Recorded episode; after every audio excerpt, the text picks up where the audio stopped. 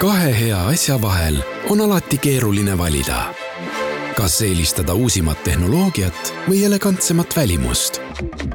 uue Toyota Camry täishübriidelektriautoga on valik lihtne see on lipulaeva elegants, mugavus ja turvalisus. uus Camry Hybrid koos viimase põlvkonna Toyota Safety Sense ohutuspaketiga. Camry Executive on nüüd eriti hea tutvumispakkumisega. vaata lisa toyota.ee. kuku raadios välja öeldud seisukohad ei pea ühtima Kuku raadio seisukohtadega.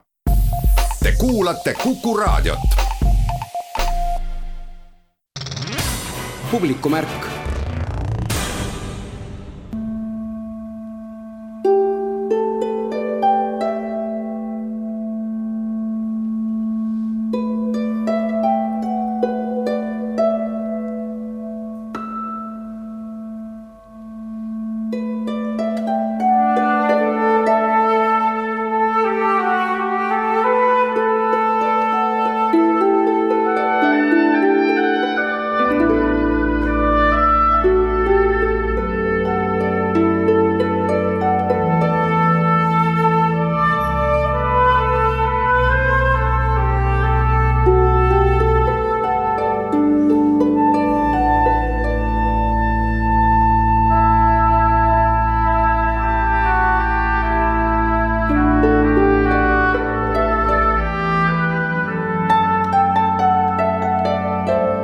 tere päevast, head raadiokuulajad! kuku raadio eetris on saade Publikumärk. saatejuhiks on Liis Seljamaa. õnnitlen tänase saate alguses koori- ja orkestrijuhti Tõnu Kaljustet, kellele antakse täna õhtul Pirita kloostri varemetes Eesti Rahvuskultuuri Fondi kolmekümnendal juubelikontserdil üle esimene Erik Lassi stipendium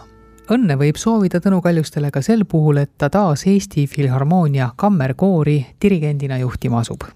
tänases saates kõlab ka teistsugust muusikat, sest järgmisel nädala lõpul saab alguse ka Eesti folgi suvi. kahekümne viiendal juunil läheb lahti Seto folk pealkirjaga Meelega metsa. hoo on sisse saanud ka suvelavastused. Elvas esietendus Lendteatril Katrin Pärna ja Janek Savolaineni lavastuses Anton Hansen Tammsaare Kuningal on külm Viinistul on lavaküpseks saanud Andrus Kivirahu kirjutatud Talupojad tantsivad prillid ees mängivad Eesti Draamateatri näitlejad ja lavastaja on Hendrik Toompere. rahvusooper Estonia lõpetas saja viieteistkümnenda hooaja samuti esietendusega. Maurice Ravelli lühiteostel põhinev lavastus Ravel, Ravel pani tööle koguni kolm erinevat lavastajat. hakatuseks aga tutvustan lavastust, mida mängitakse Tallinnas Tõnismäel täiesti uues mängupaigas juuni lõpus veel kolm korda. lavastus pealkirjaga Mäletan, ei mäleta, esietendus Eestimaa Kommunistliku Partei arhiivi tänaseks unustatud hoones. nii võiks selle Laur Kaunissaare juuni alguses esietendunud lavastuse kohta lühidalt öelda. täna teevad seal lähimälu hämaruses ringkäiku Riina Maidre ja Simeoni Sundja. Laur, kuidas sinul selle unustamise ja mäletamise teemaga on? ma arvan, et see unustamine ja mäletamine on selline üsna ambivalentne asi ja sellest suuresti sai ka tõukutud selle, selle lavastuse puhul. algselt see mõte tekkis tegelikult äh, nagu sellest parteist ja arhiivist ja kõigest nagu iseseisvalt, nii et seda arhiivihoonet ja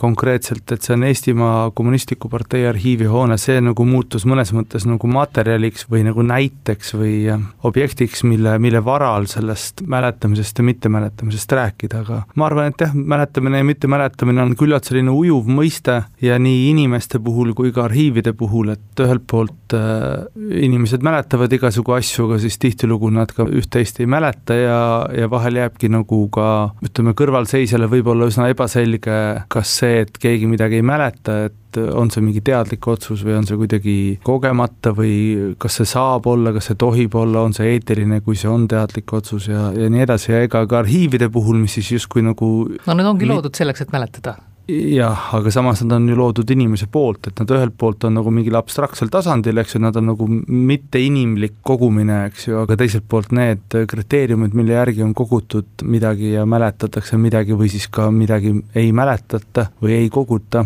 või on vahepeal näiteks otsustatud, et selle nagu säilitusväärtus on, ma ei tea, ajaga muutunud või väheoluline. et see on ju kõik ikkagi inimeste otsustatud, nii et et äh, jah, mind nagu kuidagi inspireeris selle, kogu selle temaatika puhul see, et see esmapilgul suhteliselt selge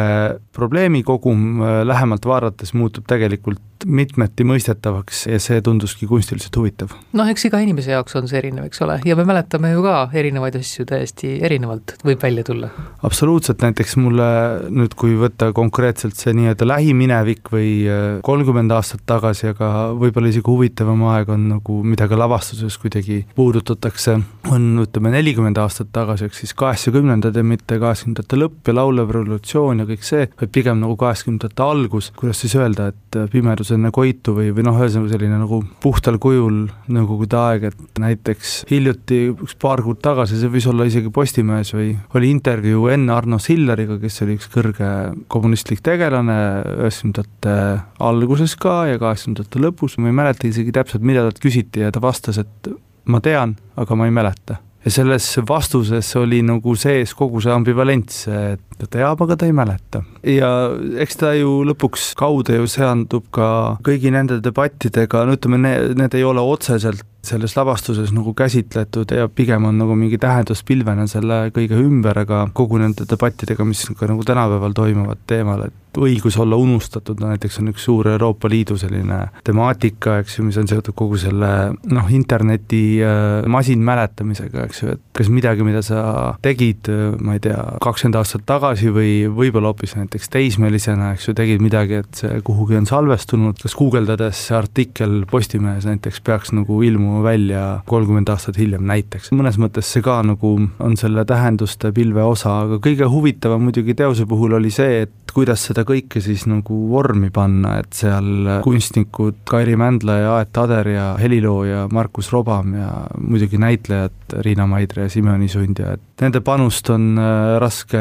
üle hinnata. Aga jah, et see oli nagu päris, ma ütleks, võib-olla keeruline, kuidas seda teha, sellepärast et kohe alguses oli selge tunnetus, et äh, ei tahaks minna personaalia peale, sellisel juhul oleks see teos nii ehk naa muutunud nagu teoseks konkreetsetest inimestest, konkreetsetest võib-olla institutsioonidest ja nii edasi, aga me tahtsime just jääda nagu abstraktsemale tasandile, mis võimaldaks seda mäletamist ja mittemäletamist kuidagi käsitleda selle kommunistliku lähimineviku nagu varal ja pigem nagu käivitada mingisugune kujutlusprotsess vaatajas endas ja sellepärast ma ütleks, et selle teose üsna suur osa on see ja ka väga suur väljakutse oli see, et kuidas panna see tühjus, mis selles ruumis faktiliselt on, erinevaid tähendusi võtma see lavastus jõudis publikuni suvel, kui möödub kolmkümmend aastat iseseisvuse taastamisest ja seda mängitakse küll nüüd juunis praegu teadaolevalt, aga kas publiku hulgas, ütleme, on olnud sul võimalust ka silmitseda, kes see publik siis on, et kas seal on pigem sellised nooremad inimesed või seal on noh, ütleme niisugused keskealised, kes midagi juba ise ka mäletavad või siis vanemad? antud tingimustes näeb seda lavastust esialgu suhteliselt väike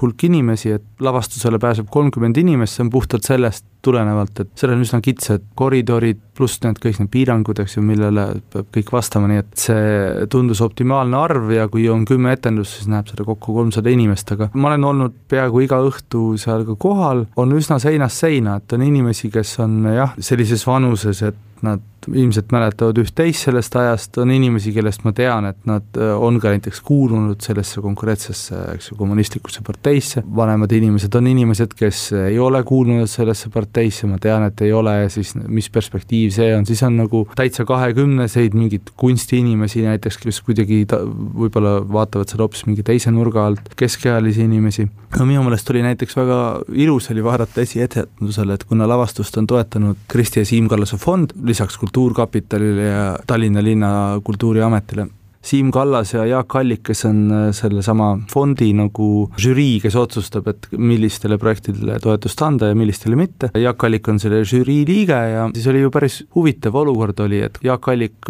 vaatasin, tervitas maja ees seal, et näe, et et seltsimees Kallas on ka saabunud ja, ja pärast oli väga huvitav vaadata, nad vestlesid seal allpool üks arhiivihoidlas üks selline stseen siis. jah, et seal tekib mingisugune selline ajal, ajalooline perspektiiv, mitte sellel tasandil, et näe, et ma ei tea, Allik ja Kallas on, ma ei tea, kommunistliku partei liikmed olnud ja aita-aita, mis nad siin nüüd umbes, vaid pigem nagu mingil üldisemal tasandil, et on mingi elu, mida on elatud ja siis needsamad inimesed on nagu mingis kohas, kuhu seda mälu justkui koguti, samas seda mälu faktiliselt seal enam ei ole, aga et selles oli nagu mingi väga ilus kujund, kuidas konkreetselt Kallas ja Allik seal nagu olid selles olukorras no ma loodan, et need, kes tulevad vaatama, need, kes saavad vaatama tulla, et nad on ka pigem nagu sellise mm, otsingulise meelsusega, et neil ei ole niisugust kindlat, et ei, mina ei mäleta midagi või mina mäletan just nagu õigesti, et äh, pigem see küsimus, et kas mäletada või mitte mäletada, võiks äh, õhus olla endiselt. jah, ma ei arva, et sellel lavastusel on mingisugune, et see on mõeldud vot sellistele inimestele ja mitte teistsugustele inimestele, et kuna lavastuse vorm on, me üritame leida sellist vormi, mis on nagu etenduskunsti ja, ja installatsiooni või noh, mingis osas nagu peaaegu, ma ei tea, mingisuguse näituse või, või, või midagi sellelaadset, et nii-öelda näidendit seal ei ole, et seal on küll tekste, mis seda ruumi üritavad nagu kõlama panna ja, ja panna inimest mõtlema selles ruumis nagu õhus heljuva tähenduskihi peale, aga ma arvan, et kindlasti inimesed, kellel on veel isiklikult mälestusi sellest ajast või just ei ole mälestusi, ma arvan, et see võiks käivitada teatud kujutlusprotsesse. publikumärk Maurice Ravelli lühiteostel põhineva lavastuse Ravel, Ravel toovad Estonia teatris lavale loomingulises koosseisus Mart Kampus, Liina Keevallik ja Renate Keerd ja muusikajuht on Arvo Volmer. Siin on nüüd kolm lavastajat, lihtsalt lavastaja on Mart Kampus, kunstnik-lavastaja on Liina Keevallik ja lavastaja, koreograaf, kunstnik on Renate Keerd, et kuidas te sellisel moel niisuguse jaotuse olete teinud? Ei no see on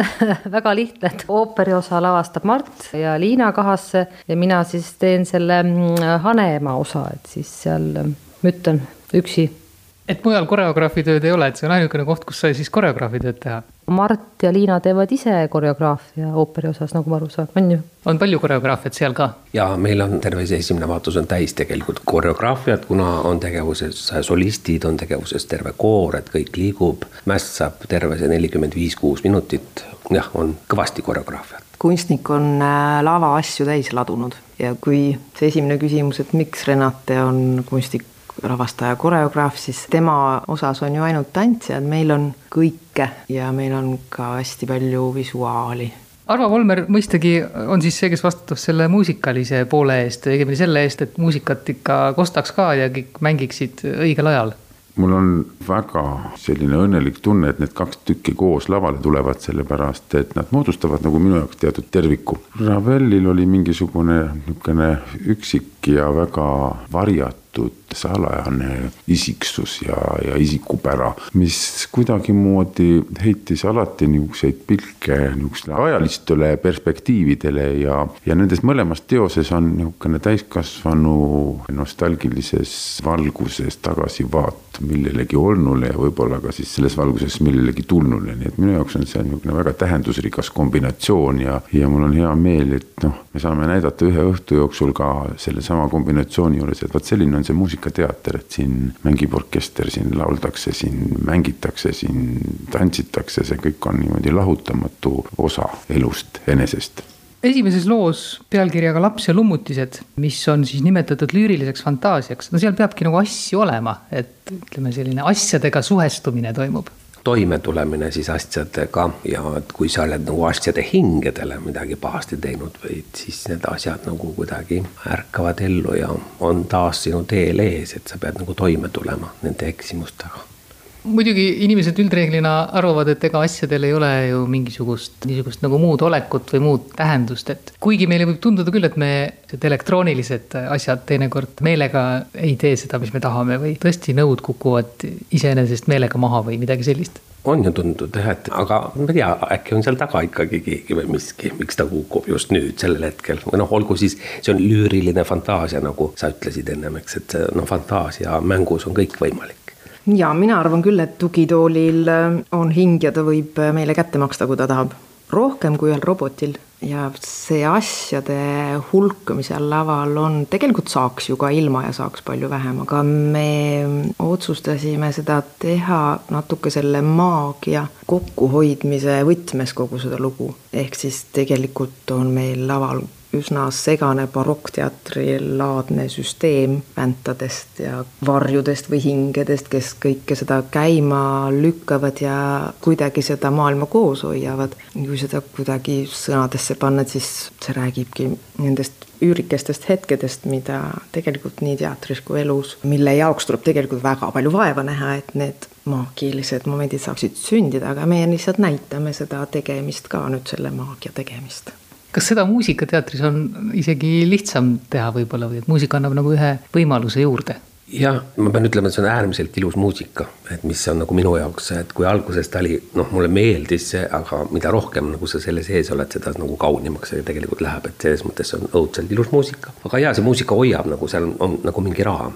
Haneema on siis noh, otsene viide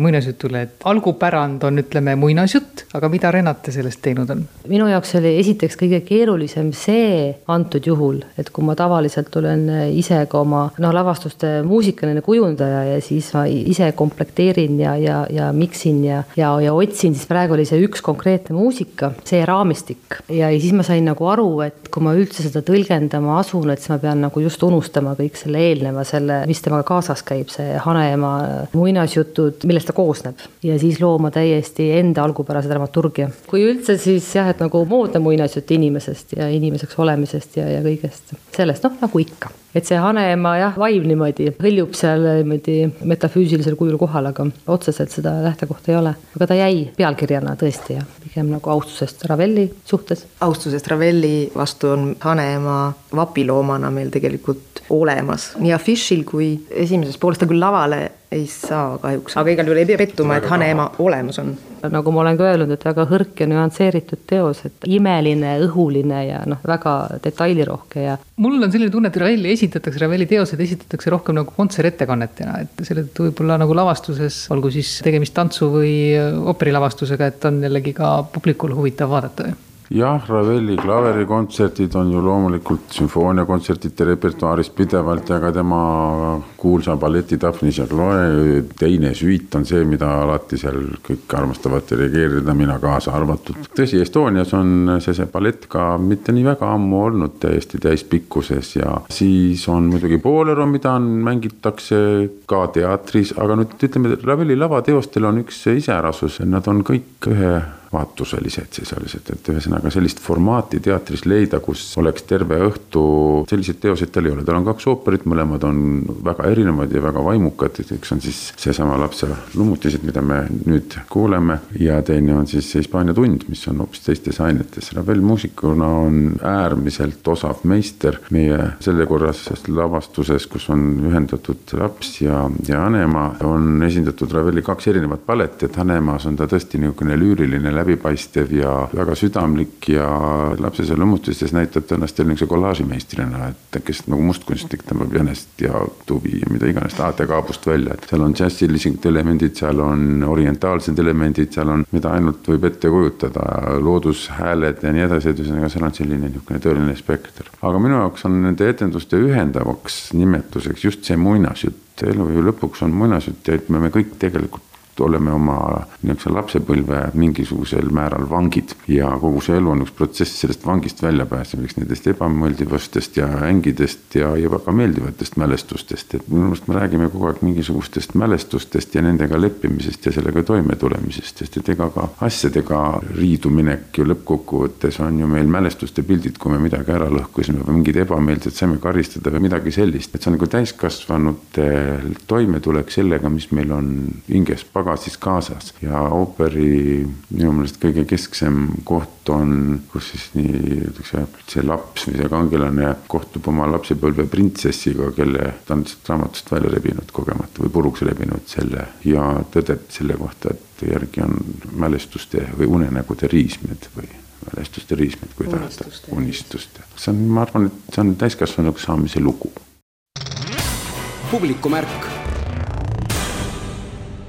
talupojad tantsivad prillid ees, tuleb välja, on Andrus Kivirähu juba üheksateistkümnes näidend, mida Draamateatris lavastatakse. kõiki näideid kokku ei jõua keegi tänaseks enam kokku lugeda, aga Viinistus vist viimati sinu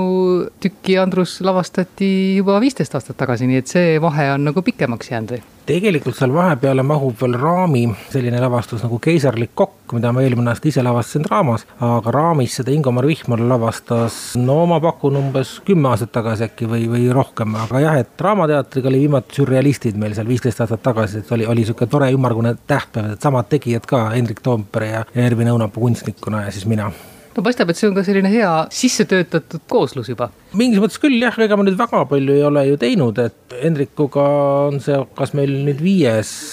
ühine töö alles tegelikult ju, et seal on väga palju teisi lavastajaid ka Draamateatris olnud, Karusoo ja Pedajas. me oleme head sõbrad küll jah, ja tegelikult selle näitemängu idee sündis ka just nimelt eh, Ervin Õunapuu sünnipäevalt ära sõites, kui ma olin Hendriku autos ja arutasime, et mida tulevikus teha võiks ja siis Hendrik pakkus välja sellise mõtte, et võiks teha näitemängu eestlastest ja sakslastest, et kuidas need suhted on läbi aegade olnud ja mida kõik eestlased on sakslastelt siis laenanud ja õppinud ja tegelikult see pidi ikkagi olema Draamateatri, teatrisaali tükk, aga võib-olla sinna Viinistule ta istubki nagu paremini pisut noh, me ei oska seda võrrelda, sest me ei ole näinud teda Draamateatri suurel laval, et ma tean, et Ervin tegi sinna hoopis teistsuguse kujunduse ka, nii et seal ta oleks olnud ilmselt natuke teistmoodi. Viinistule sobib muidugi, sest Viinistu on selline, nagu Hendrik ütles esikapeol kõnes, et Draamateatri suursaal, see kuidagi õhkab sellist väärikust ja akadeemilisust, aga et Viinistu õhkab just sellist mingit anarhilisust, et seal need tükid, mis seal on sündinud ka varem, kõik need põrguvärk ja sürrealistid ja et nad on ikkagi olnud veidi sellised hullumeelsed ja pöörased, nii et selles mõttes ta sobib küll sinna, jah. no sa oled ise selle kohta öelnud, et see on niisugune farss või ütleme, selline Monty Pythonlik lähenemine siis, et kui Monty Python võtab äh, seda inglaste asja nagu ajada ja, ja itsitada, et siis see on sinu Monty Pythonlik lähenemine eestlusele. nojah, ja ka selles mõttes, et ta ei ole nagu üks terviklik lugu, kus samad tegelased nüüd kohe esimesest hetkest viimaseni välja veaksid, vaid et ta koosneb üheksast erinevast sketšist samade teemade teemade ümber nagu just see eestlaste, sakslaste suhted läbi sajandite, et ja noh, see stiil on ka jah, selline farsilik, et see ei ole selline süvapsühholoogiline lähenemine, vaid ikka sellised noh, koomilised tüübid askeldavad ringi seal mul on meeles üks arutelu, kus räägiti sellest, et meil on ikka ka räägitud kogu aeg, et kui jube oli see, et kui mõni külatüdruk näiteks mõisa kutsuti kunagi, et see esimese õiguse jutt. aga et miks see võiks hoopis teistmoodi olla, et miks ei võiks olnud olla niimoodi, et kõik, terve talupoja pere hoopis rõõmustas, et näe, kus me oleme ikka head ja välja valitud ja äkki meie esimene laps sünnib ka saksa verd ja nii. no eks muidugi e-, eks mu looming varemgi on, on ju üritanud selliseid üldkehtivaid müüte just selle talupoja maailma kohta nagu ümber pöörata vaadata, et ka Rehepapp ju tegelikult tegeles sellega, et eestlased ei olnud mitte niisugused vaesed ohvrid, et vastupidi, nemad olid need, kes röövisid ja riisusid paruneid ja elasid nagu või sees, tassides sealt mõisast lakkamatult lollidelt sakslastelt asju ära, et või näiteks meil oli näidend Vassiljev ja Pupõrde tegid siia, mis räägib Draamateatri maja ehitamisloost, et ka seal ju tegelikult sakslased ehitavad nii-öelda oma raha eest teatri ja eestlased hiljem võtavad selle lihtsalt ära ja sellest saabki Eesti Draamateater, nii et mulle jah, meeldib kujutada nagu eestlasi mitte niivõrd ohvritena, vaid ikkagi omamoodi peremeestena omal maal ja, ja see tütar käib mõisas, et see on ka pigem selline, et näed, meie eestlased lubame siis äh, sakslastel natuke lõbutseda ja, ja oleme uhked tõesti selle üle, et näed, et meie tütrel nii hästi läks. Eks ta niimoodi käibki tegelikult, alamkihid alati ülemkihtidelt ju laenavad ja õpivad, et lihtsalt eestlaste puhul oli lugu selles, et ülemkiht oli hoopis teisest rahvusest, et ütleme, kui Prantsuse kuningas oli prantslane ja Prantsuse talupoeg oli ka prantslane, et siis kuidagi oli loomulik, et kuningas ja õugon näitasid eeskuju, neilt õppisid väikeaadlikud, kodanlus, sealt omakorda veel madalamad inimesed ja niimoodi need head kombed ja, ja mingid sellised head road ja, ja, ja ka moed ja kõik need jõudsid nagu aina allapoole. nii see käib igas ühiskonnas tegelikult, et madalamad õpivad kõrgematelt ja ega sellest pole mitte midagi halba, lihtsalt Eesti puhul oli jah, situatsioon oli see, et alamkihid olid hoopis teisest rahvusest, et seega, kui sa nagu liiga palju, väga palju võtsid neilt ülemkihtidelt, siis sa muutusid ka ise sakslaseks, et nii isegi ju räägiti, et su poeg õpib linnas saksaks või sinu tütrest saab varsti preili, eks ole, et kui sa enam ei olnud talupoeg, talunaine, et siis noh, sellist asja nagu eestlasest intelligent või eestlasest mingi kaupmees või sellist asja nagu ei, ei, ei olnud nagu võimalik üldse ollagi, et kui sa olid nagu talupoegkonnast üles tõusnud, siis sa ka saksastusid, hakkasid saksa keeles rääkima, nii nagu Kreutzwald ja Fehlmann ju rääkisid oma perega saksa keeles tegelikult, sest noh, nii oli kombeks sel ajal no Koidula ka. ja Koidula ka jah, ja alles siis kuskil just seal Papa Janseni ajal tekkis see arusaam, et ka intelligent et võib olla eestlane, eks, et on olemas Eesti rahvas, kus on tõesti on talupojad, aga on olemas ka linnainimesed ja, ja ka haritlased eesti soost ja eestikeelsed, et siis nagu tekkis alles see idee, aga enne oli see ju täiesti loomulik, et kui sa ei olnud enam talupoeg, siis sa rääkisid saksa keeles. No taevas tänatud, et meil sellised esivanemad on olnud, et kui mitte keegi talupoegadest ei oleks tahtnud kasvõi õppida lugema, eks ole, ükskõik saksa keeles, eesti keeles, ükskõik mis keeles, aga lihtsalt lugema. nojah, just nimelt taheti ju elada ka nagu ilusamani, ilusamalt ja peenemalt ja tegelikult noh, see laenemine käib ju kogu aeg edasi, et ka selles tükis oli üks episood, mis rääkis siis nagu eestlaste toidulauast. Ja tõesti, meil on väga palju saksa rooge, aga me ju laeneme iga päev edasi, et ma just täna hommikul või lõuna ajal käisin söömas India restoranis, eks ole, et Eestis väga hästi on leitud maitsvaid toite idamaadelt ja õpitud neid ise valmistama ja need on saanud Eesti köögi osaks ja see ongi väga-väga vahva ju. ühes intervjuus sa oled öelnud ka, et tegelikult see Eesti kirjanduse tundmine tuleb ka sinu loomingu mõistmisel kasuks. Ja mina tundsin seal küll ära, ütleme, üks lutsu elemente, eks tammsaarelik selline töö tegemise asi oli seal, aga ka noh, muidugi vihjeid sinu varasematele teostele, noh, Rehepappi sa siin juba ise nimetasid, võib-olla ka Ivan Orav äkki lipsas sisse või mõned tegelased veel? no kindlasti jah, et ega seal ei olnud nagu mõtet hakata alati leiutama, et mingid arheotüübid on ju olemas, et kui me teeme sketši sellest, kuidas uus poiss saabub kooli, selline kurvameelse näoga poiss, siis loomulikult ta nimi on Arno, et see on ju selge. Või tegelikult see tüdruk, kes mõisas käis, tema nimi oli ju Mari, mis on jällegi teatud vihje Vilde Mäekoja piimamehele, kus on ka Mari nimeline tütarlaps, kes käib mõisas eh, siis parunit lõbustamas või seal korporantide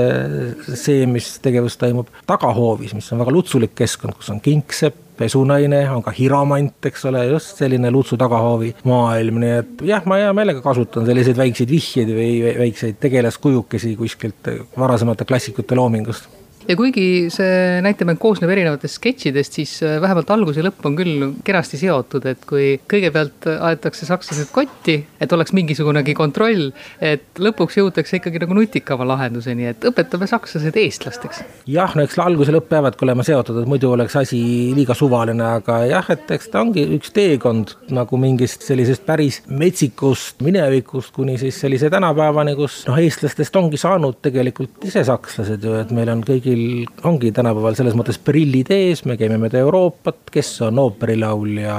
Rootsis, kes peab loenguid Pariisis, kes töötab Brüsselis, eks ole, et meist on saanud eurooplased, aga samas seal kuskil all on ikka need talupojad selle euroopaliku pintsaku või kostüümi all, et talupojad, kes kogunevad siis jaanipäeval või mõnel teisel pühal oma, oma vanemate koju ja, ja siis seal grillivad ja korjavad seeni ja teevad suitsusauna ja elavad nii nagu eestlased ammustel aegadel, aga põhimõtteliselt meil on ikka jah, palju rohkem ühist juba ikkagi nende sakslastega kui nende väga kaugete esivanematega. noh, sinu näitel siis, et äh, panevad jah, kuubikud jalga ja lähevad seenele, aga sauna panevad kütte telefonist ja arutavad, et kui suitsuseks seekord teeme. ma ise olen nii rumal, sest mul on sihuke vana telefon, ma küsisin Ivo Uukivi käest, et kas tõesti on võimalik sellist asja teha, siis ta ütles, et ei, et ma teen ju nalja, kas sa ei saa aru, et see oli nagu nali. mina võtsin seda tõsiselt, et võib-olla ongi sellised äpid ka välja tulnud, et sa saad suitsusauna ka juba kuidagi kaugelt panna, aga no ma arvan, et saalis on palju minusuguseid, kes mõtlevad, et asi ongi sinnamaale jõudnud, et ka suitsusauna saab juba kütta äpi abil ainult. publikumärk Elvas mängitakse Anton Hansen Tammsaare kirjutatud näidendit Kuningal on külm, seda mängivad Lendteatri näitlejad pluss Jan Uuspõld ja lavastajaks on Katrin Pärn ja Janek Savolainen. kes selle peale tuli, et seda võiks nüüd lavastama hakata? peamiselt tuli selle peale ikkagi Lendteater, materjali valiku mõttes mm, nad andsid mulle esialgu vabad käed ja, ja siis ma mm, uurisin ja lugesin tohutu hulga igasuguseid tekste ja materjale läbi ja avastasin, et suurem osa näidendeid, mis on kirjutatud, on mõeldud selliseks tubaseks mängimiseks, et üks-kaks tooli ja diivan. aga meil oli siin nagu suur võimas majasein rõduga ja siis kuidagi see tingis selle suuna, kust või mis ma siis nagu otsisin või mõtlesin või ja lõpuks jäi siis sõelale, seal oli üks neli-viis erinevat asja ja mina ei suutnud sealt enam valikut teha ja siis ma andsin selle palli käest ära, ütlesin, otsustage ise. Ja nad siis otsustasid nii natuke võib ju selle Kaalepi süüks ka ajada tegelikult, sest see kuningal on külm nimetus tuli siiski, võtsime selle, kerkis esile jah, et Kaalep oli libreto kirjutanud omal ajal sellele Ojakere ooperile, eks ole, kuningal on külm. ma hakkasin alguses võtsime... otsima nagu sellist materjali, mis oleks kuidagi Elvaga seotud. Mm.. tõesti, Kaalep oli siis esimene mees, kes mulle meelde tuli, et kas on tema kirjutanud midagi sellist, kas siis näidendi või, või siis ka noh, et võiks intseneerida, aga need olid ka sellised üsna kammerlikud ja siis sealt jäi see Kuningal on külm kuidagi niimoodi luupima, siis ma tulin selle juurde tagasi, ma tean, mul on kunagi palju aastaid tagasi väga meeldinud see tekst. mina olen seda Ingo Normetiga teinud Vene Draamateatris, sealt kuidagi on mul. aga see ongi väga vaimukas tekst ju. noh, eks Tammsaare lihtsalt on väga hea kirjanik vahepeal, kui mm, ma proovisin seda siin kõvasti kärpida, siis ma olin täitsa pahane, et äh, kirjanik tunneb nii hästi struktuuri et nii raske on teda kärpida. iga asi viib järgmise asjani ja kui sa midagi vahelt ära kärbid, et siis sa tekitad täiesti niisuguse augu sisse sellele. Tammsaare muidugi on vaimukas ja samal ajal noh, ta on ju väga terav ja ta on väga terane. Ja see tekst on noh, üsna ajatu, eks, sest et need teemad või probleemid või ütleme siis sellised asjad, mida torkida, on üldiselt ikkagi enam-vähem igal ajal ühesugused. jah, seda juba ka sellest järeldub, et ega te teksti väga ei ole nagu kohendanud kuidagi tänapäevasemaks. Ei, me teda kohendanud küll ei ole, esiteks minu isiklik noh, respekt hea kirjaniku vastu sest ta keel on, on ilus ja, ja kihvt ja täpselt parasjagu ka veider, mis omakorda noh, veider sobib lihtsalt meile, hästi sobib veider. et me oleme lihtsalt muutnud võib-olla rõhuasetusi natukene või siis viinud selle nii-öelda fookuse kuskile teise kohta, kui ta ise võib-olla mõtles või noh, me oleme lihtsalt lisanud küll, ütleme, proovides kuulates või, või lugedes tekkinud mingisuguseid lahedaid asju või, või noh, samamoodi mingeid lihtsalt napakaid assotsiatsioone, sõnade mänge või lihtsalt assotsiatsioone, mis nagu tekivad mingisuguse teema, lause, mõtte, sõnaga ja siis pannud lihtsalt jugama sealt, et kõverdanud seda lihtsalt omaenda selle huumorimeele ja selle lolli napaka huumorimeele järgi. No Tammsaarel on ta küll mõeldud kolmes vaatuses ja neljas pildis, et te olete nüüd siis ühe pildi peale ja kahte vaatusesse selle ära mahutanud. kaks vaatust jah, on üsna enam-vähem ikkagi inimese piir, ma ütleks täitsa muutmata kujul teda teha, siis me istuksime siin jah, neli tundi aga see Elva kooli ja võimla vaheline niisugune ala, no see on ikka, annab hea teatrisaali mõõdu välja küll, liiatigi paistab, et see akustilises mõttes on nagu täitsa hea koht, kus teha õuetükki. kusjuures üllatavalt oli siit alguses tegelikult ei olnud üldse kindel ju see, et kas noh, tuleb läbi heli, sest siin oli, see on täpselt selline tuulekoridor, et aga imelik, et see tribüün ilmselt tõmbas seda heli kinni, siis noh, mis siin lavale on pandud. tükk aega mõtlesime, et proovime nii kaua kui vähegi võimalik ikkagi, et me hoidume mikrofonidest sest noh, nii tobedad on mikrid, noh vastikud, esiteks kui on kiired jooksud, kostüümivahetused mm., asjad, see jääb kogu aeg kinni, kuna siin on majast sisse-välja jook, siis kuskil ta ei levi, midagi, ühesõnaga see ilge jama on alati mikritega. ja siis lootsime, et äkki, kui me kõik selle siin nüüd täis laome, nii nagu ta käib, et siis see võtab selle kaja kinni ja muutub seal, tegelikult on tõesti ikkagi päris hästi kosta. ideaalne teatriplats etendustegevuseks ja lavakujunduse mõttes ka annab sättida siia maja seina peale igasuguseid asju ka mm. -hmm. ja kui noh, kui peaks hakkama paduvihma sadama, et siis saab seda nagu seest kõik veel noh, akende peal ära mängida kõik. ei, seda küll ei saa juhtuda, sellepärast et lava on ju õieti hoopis malelaud ja see niisugune maletamine või ütleme, niisugune võimuvõitlus ju, mis oli ta Tammsaare ajal ja on ka tänasel päeval, see ju kõik selle laua peal kenasti toimib ilmselt palju paremini kui seal akende taga. seda kindlasti, seda kindlasti. jumala pärast, mina olen alati hea, aga tema on hoopis halb. see üksteisele nii-öelda nagu tule andmine on, on jah, nagu praegusele ajale vist eriti omane muidugi, aga noh, ma arvan, et see on vist alati nii olnud. mitte meie, mitte meie, tema ise, tema ise. mina mitte, mina mitte, mina olen väga hea, aga tema, tema on paha mm.. Need, kellel veel ei ole võimu, need tahavad seda saada ja need, kellel siis on, tahaksid seda ilmtingimata hoida. ja see noh, mida siis on inimesed nõus selle nimel tegema või, või, või ütlema, et no ühesõnaga vaatan ja imestan, et ühest küljest ma arvan, et on asju, mis on paratamatud ja mis paratamatult nii lähevad ja selle paratamatuse tajumine on ka miski, mis on siin tükis mõnel mehel justkui kanda, aga et see, kui palju ümberringi on noh, rumalust või, või sahmimist ja sellist tühja rähklemist asjade nimel või pärast, millel pole mingit mõtet, meeletut võimlemist olukorras, kus noh, seda üldse vaja ei ole, et ma näen seda hästi palju, sedasama näpuga näitamist ja süüdistamist, kuna siin tükis on see kõik justkui olemas, siis oli seda muudkui hea lihtsalt rullida. huvitav, mis meil meie ajal võiks olla see niisugune kahe peaga vasikas, mida inimesed kõik, terve linn vaatama läheksid? mina ei tea, minu meelest on meil siin iga nädal üks uus kahe peaga vasikas kogu aeg, iga natukese aja tagant on mingisugune tohutu, oo nüüd on nii või oo nüüd teeme seda, oo nüüd me kõik usume toda, oo nüüd on see meie vaenlane, oo nüüd on see meie sõber, et seda ühte kahe peaga vasikat vast ei äh, ole, ongi igal inimesel oma mingisugune imelik ebausk, mille järgi ta siis jookseb ja mida ta siis kuulutab või kummardab. lihtsalt see tohutu nagu polariseerumine, mis on, ütleme siis võib-olla meie praegusele maailmakorrale väga omane, on siis see, kus see rõhk siis on, et noh, ühed, kes kindlasti usuvad kahe peaga vasikat ja teised, kes kindlasti usuvad kuningat ja siis vastastikku nad ütlevad, et sul on vale no mulle näib, et seda tükki on igal juhul lõbus teha olnud siin ja nende näitlejatega ja. ja, ja meil on väga lõbus olnud, see on tõesti olnud lõbus. Nad on ise olnud äh, väga sellised inspireerivad ja ise kergesti inspireeruvad, tegemise ja naljaimulised ja meil on väga tore olnud. lisaks Lendteatri näitlejatele on tükis ka Elva rahvatantsijad ansamblist Sinilind kes on siis ütleme nii, liikuv jõud selles tükis. muidugi seda peab ka ütlema, et tegemist on ikkagi nagu väga naljaka tükiga, et ega siis ei ole niimoodi, et kui loed, et Tammsaare, et siis ilmtingimata tundub, et on, ei, meil on väga naljakas on sellised tragikomöödia, traagilise tragikomöödia. hästi tragikomöödia hästi tragikomöödia on see minu arust. publikumärk juuni alguseks oli selge, et muusika- ja matkafestival Seto Folk sellel aastal toimub kahekümne viiendal ja kahekümne kuuendal juunil Värskas pealkirjaga Meelega metsa ja et teha tasa kaotatud aega, siis kestab festival tõesti kaks päeva järjest. selle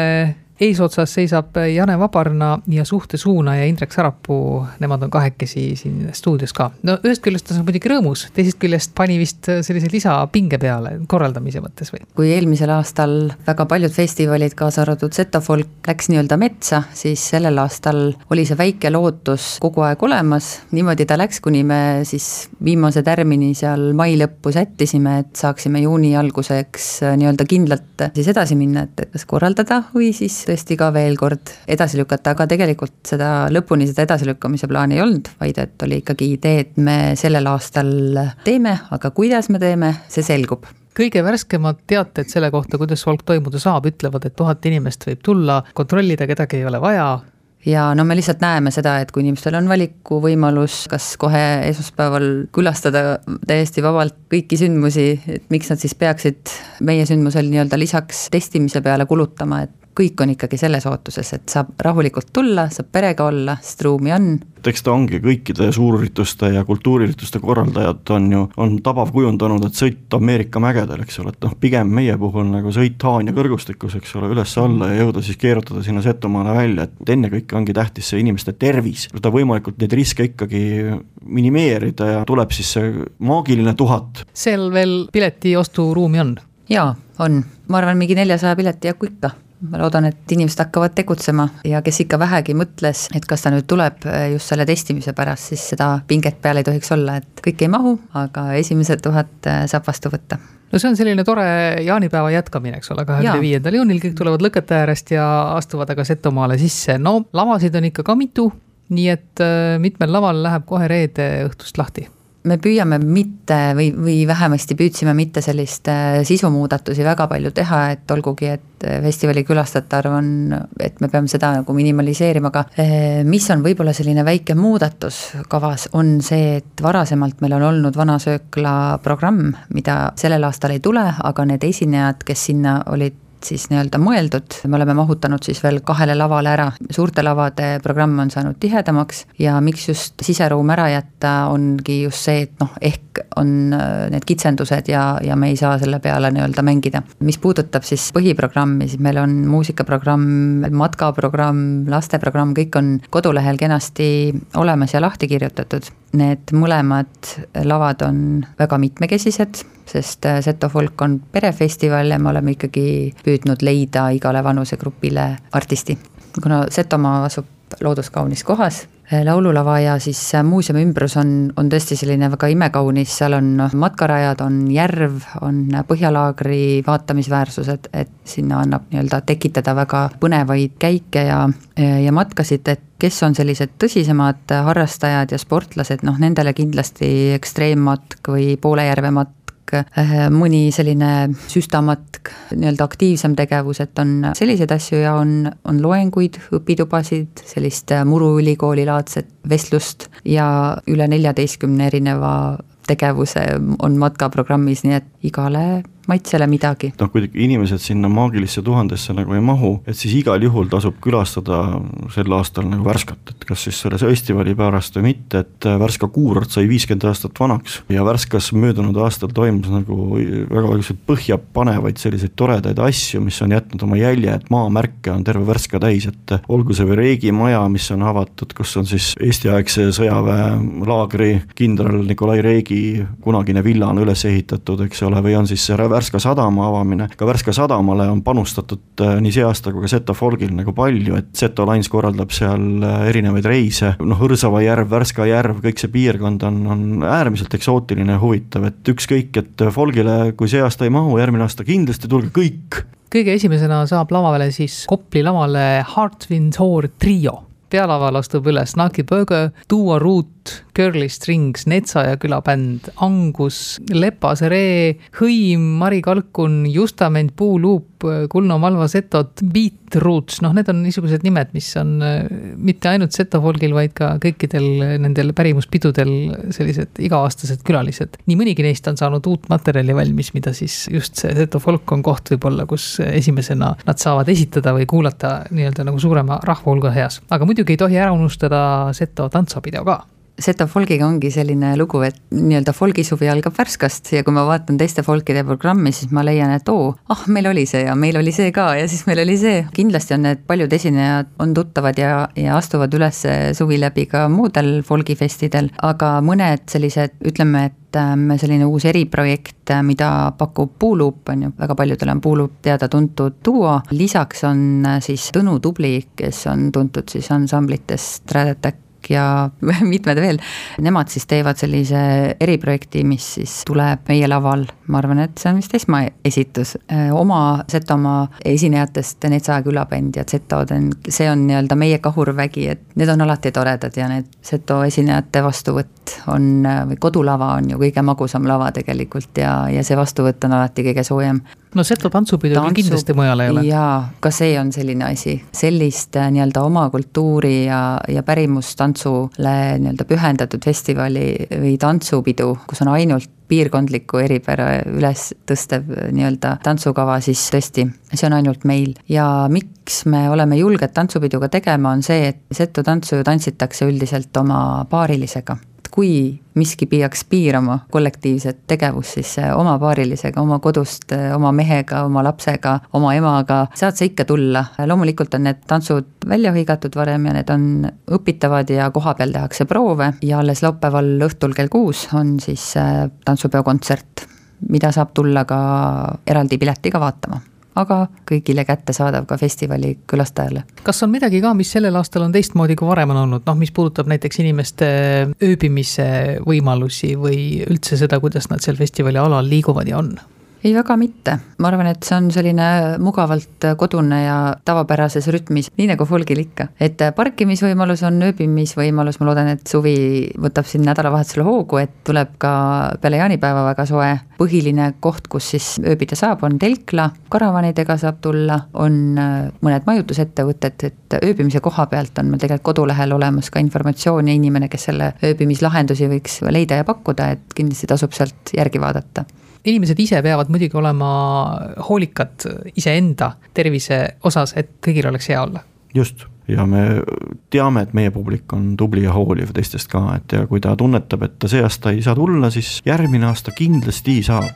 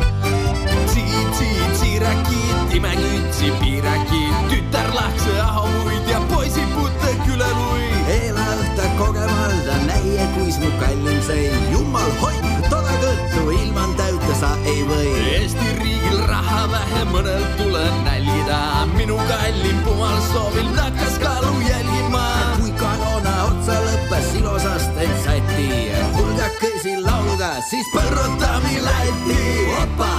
opa, Ameerika, Euroopa, ükskõik kus sa elad, pole miskit head sul loota.